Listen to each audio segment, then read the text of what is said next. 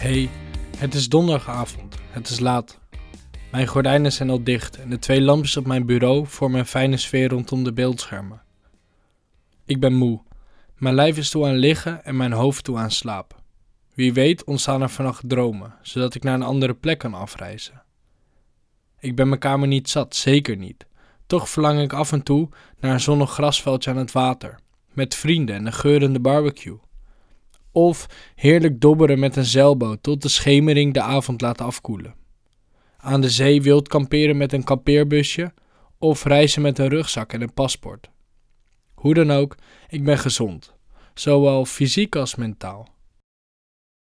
Ook vandaag waren er weer persoonlijke berichtjes via Instagram die lieten weten dat de podcast positief ervaren wordt.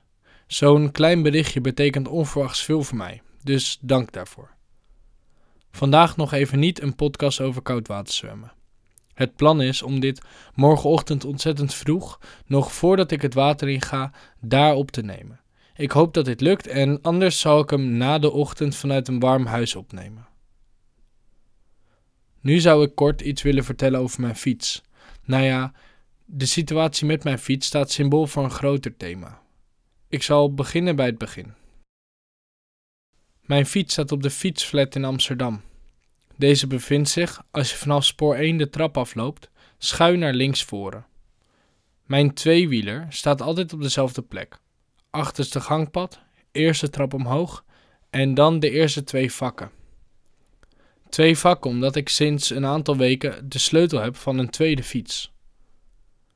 Fiets 1, mijn Bika, had een lekke band. Vandaar dat ik fiets 2, een soort granny, als backup gebruikte.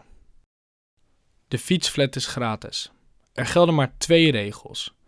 In de rekken plaatsen en maximaal 14 dagen.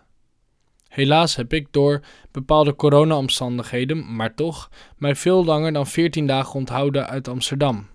Uit paniek dat ik in totaal 50 euro zou moeten betalen om beide fietsen weer terug te krijgen, heb ik een mail met uitleg gestuurd aan de gemeente van Amsterdam. Binnen 24 uur ontving ik een keurig antwoord dat enkel fietsen, gelabeld voor 17 maart, verwijderd zouden worden. Kut. Ik was 5 maart voor het laatst in Amsterdam geweest en had toen alleen op Granny gereden.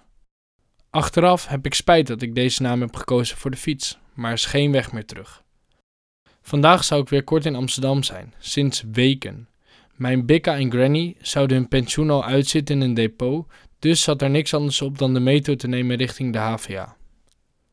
Ik kon het niet laten om toch even de trap van de fietsflat omhoog te lopen en warempel stonden daar Bika en Granny te genieten van het zonnetje. Geen label, niks.